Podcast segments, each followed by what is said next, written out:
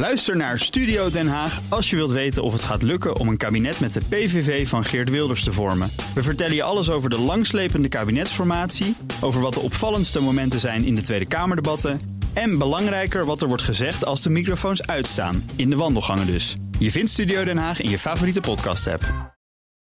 De column van Jaap Jansen. Deze dagen presenteren de politieke partijen hun lijsten voor de verkiezingen van 2021. En bij de meeste partijen gebeurt waarvoor ik al bang was.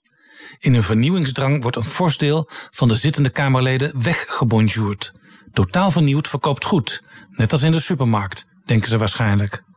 Nu gaat het mij hier niet om Kamerleden die ook na vier jaar nog geen begin van talent hebben laten zien. Het gaat om ervaren en alom als deskundig erkende parlementariërs die vertrekken ook. En niet altijd naar eigen wens. Zo werd bij het CDA oud-officier van justitie Chris van Dam onverkiesbaar geplaatst, terwijl de CDA-fractie nauwelijks juridisch deskundige telt. En dat is extra vreemd, waar een van de hoofdtaken van het parlement die van medewetgever is. Bij D66, dat net als het CDA nu 19 kamerzetels heeft, keren van de oude 19 van vier jaar geleden slechts 9 terug. Wie zo drastisch vernieuwt, loopt het gevaar dat straks, na de verkiezingen en de kabinetsformatie, twee derde van de Kamer uit novieten bestaat. Het parlement als inwerkstage. Die drang naar vernieuwing is in veel partijen geïnstitutionaliseerd. In het reglement is opgenomen dat een Kamerlid na enkele periodes alweer moet opkrassen. Femke Halsema kon pas een vierde keer lijsttrekker worden nadat GroenLinks dispensatie gaf. In de Partij van de Arbeid had Khadija Ariep al lang weg moeten zijn. Het Kamervoorzitterschap gaf haar zoveel glans dat de partij coulance verleende. De Tweede Kamer heeft steeds minder ervaren, gezaghebbende en ter zake deskundige Kamerleden, klaagde CDA Pieter Omtzigt deze week toen hij op gesprek kwam bij de parlementaire onderzoekscommissie Uitvoeringsdiensten. Het kostte hem een aantal jaren voordat hij doorkreeg hoe hij zijn Kamerlidmaatschap effectief kon invullen.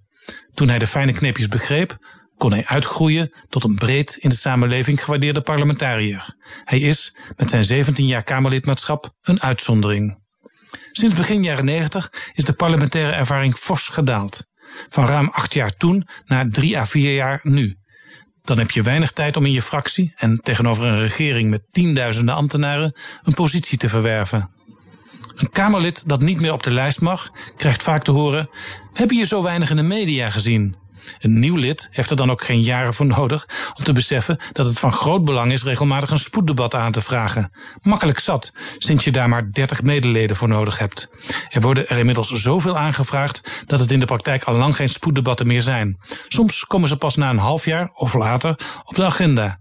Sinds dit systeem er is, wordt bijna 60% van de Kameragenda door de oppositie bepaald. Vroeger was dat 20%.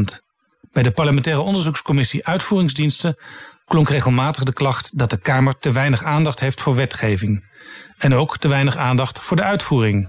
Dat komt ervan als de politiek zelf het nijvere handwerk niet beloont. In 2021 begint de Tweede Kamer weer helemaal opnieuw. Ook Thomas van Zeil vind je in de BNR-app. Je kunt live naar mij luisteren in Zaken doen. De BNR-app met breaking news, het laatste zakelijke nieuws en je vindt er alle BNR-podcasts. Bijvoorbeeld Het Nieuwe Geld. Download nu de gratis BNR-app en blijf scherp.